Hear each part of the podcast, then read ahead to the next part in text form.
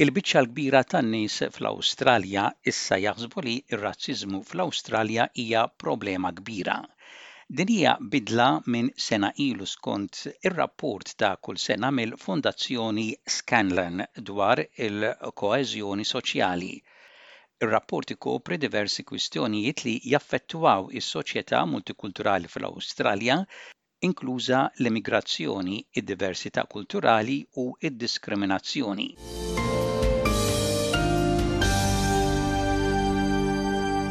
Il-maġġoranza tan-nies fl-Awstralja iqisu r-razziżmu bħala problema kbira. Waħda mill-mistoqsijiet f'dan is-survey kienet kemm hija kbira l-problema tar-razziżmu fl-Awstralja. Is-sena l-oħra 40 fil-mija tan-nies qalu li kienet problema kbira ħafna jew problema kbira mhux ħażin. Din is-sena din il-figura telgħet għal 60 fil-mija ta' dawk li rrispondew għal dan is-survey. L-awtur tar-rapport, il-Professur Emeritus Andrew Markus mill-Università ta' Monash jgħid li din l-istatistika hija sorprendenti.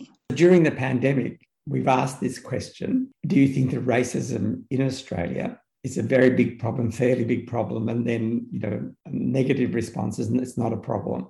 And the two surveys in 2020 around 40%, four out of 10 people said that racism was a very big problem or fairly big problem. And the very surprising finding is that in 2021, that's jumped from 40 to 60. Now, that level of increase is very unusual in the survey. You know that the numbers usually move just a couple of percentage points. Il-Professur ta' Soċjoloġija mill-Università ta' Melbourne, Karen Farquharson tgħid li waqt li din hija figura allarmanti mhix ixxokkjata kompletament. Issemmi kwistjonijiet li qed jaffettwaw l-opinjonijiet tan-nies dwar ir-razziżmu bħall-moviment magħruf bħala Black Lives Matter, l-attenzjoni li qed tingħata lill-mewt ta' l-Aboriġini waqt li jkunu f'idejn il-Pulizija u r-razziżmu kontra l-Ażjatiċi minħabba l-Covid. Because the Black Lives Matter movement came to Australia, because there's been a great deal of attention to Aboriginal deaths in custody, it's a continuing issue that is very, very problematic, and also because of the anti-Asian racism around Covid, you know, anecdotally we've heard of people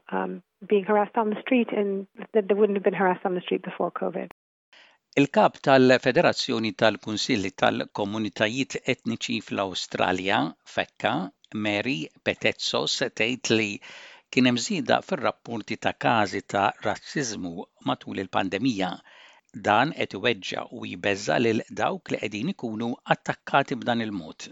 we are seeing increased numbers of people who contact us knowing that what they're experiencing is improper and they want to do something about it. They feel very hurt about it and um, are, quite, are, are, quite scared.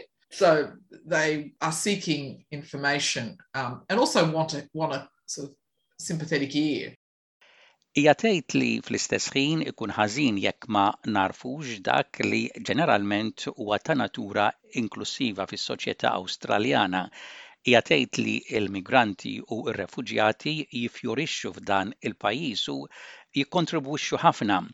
Hija tgħid li r-razziżmu jagħmilha diffiċli għal dawn in-nies minħabba li jkun hemm xi uħud razzisti lejn ċerti gruppi u individwi.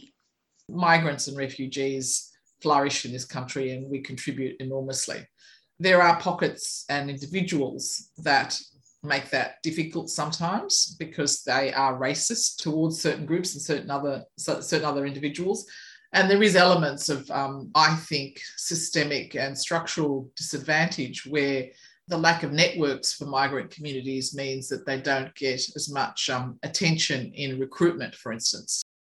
Meta dawk li ħadu sehem fis-survey kienu mistoqsija jekk kellhomx sentimenti pożittivi, negattivi jew newtrali lejn gruppi nazzjonali differenti, ir-rapport sab li minn 5 sa 6 fil-mija ammettew li kellhom veduta negattiva għal dawk ta' nisel Ingliż, Taljan u Ġermaniż.